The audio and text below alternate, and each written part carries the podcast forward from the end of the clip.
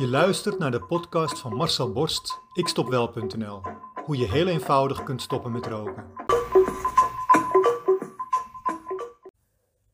Astronauten zijn een beetje rare wezens.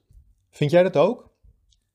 Ze lijken een beetje op buitenaardse wezens met die rare witte pakjes met gekke slangetjes en tierenlantijntjes erop.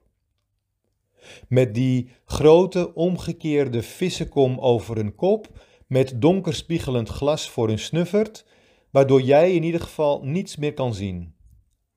Hermetisch afgesloten op hun luchtdicht gesielde astronautenpak. Beetje vreemd toch? Hoe ze tijdens werkuren door de lucht zweven met die guitige armpjes en beentjes, een beetje meebungelend daar ergens in de lucht. Hoe ze kleine stapjes zetten, alsof het heel veel moeite kost om weer neer te komen, maar dan omhoog gaan blijkt weer een fluitje van een cent te zijn. Apart volk. En het raarste komt dan nog. Van alle astronauten die de opleiding ingaan, zijn er maar een paar die ook echt de ruimte ingeschoten worden. Voor de rest blijft hun droom een utopie. Het zal nooit werkelijkheid worden. De astronauten die hun droom wel verwezenlijkt zagen, krijgen bij terugkomst op aarde meestal een grote terugval.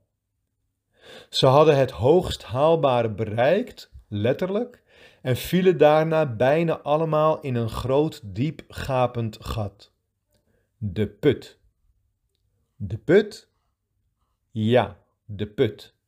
De post-universele teleurstelling. Want wat doe je als je alles waar je altijd van hebt gedroomd al hebt bereikt? Als er geen enkele uitdaging meer voor jou blijkt te zijn? Juist, dan zit je in de put. En hoe meer je dan denkt en voelt en hoort dat je in de put zit, hoe dieper die put raakt. Je komt er nooit meer uit, lijkt het. Tot één astronaut opeens een helder idee kreeg en een nog hoger doel voor zich zag. Het probleem van een astronaut is namelijk dat als je de aarde werkelijk een keer vanaf 10.000 kilometer afstand hebt gezien, als een klein draaiend minuscuul bolletje daar ergens onder je, dat je brein dan opeens de relativiteit van alles gaat inzien. Opeens ben jij helemaal niets meer.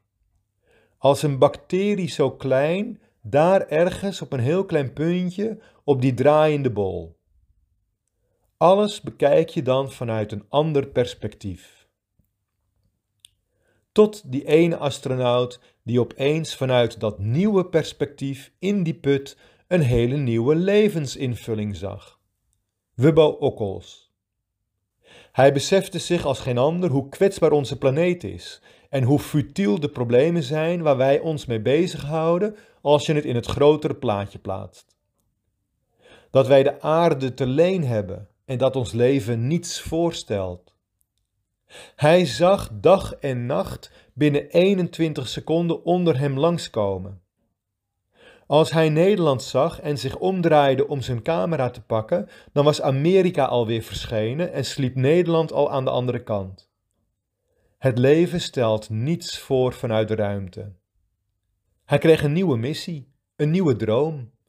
De aarde redden van de gedoemde ondergang die onafwendbaar lijkt te zijn door het consumptiegedrag van de mens.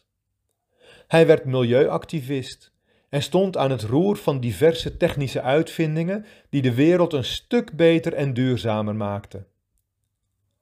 Andere kosmosbewandelaars zagen zijn voorbeeld en deden hem na. André Kuipers bijvoorbeeld.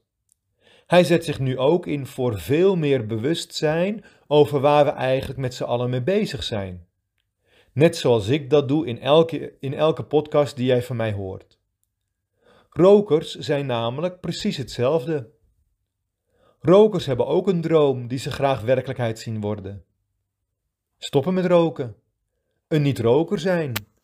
Gezond zijn, energie hebben. Veel langer doorleven samen met je geliefde en je vrienden. Maar als het dan zo ver is, dan zien ze opeens alles in een ander perspectief en vinden ze er niets meer aan. Feestjes zijn opeens niet meer gezellig. Het werk is niet meer te doen. Vrienden interesseren ze ook al niet meer. Ze missen hun vriendje, zoals ze dat sigaretje noemen. En dan raken ze in de put. Net als die astronauten. Maar dan is daar dus de oplossing.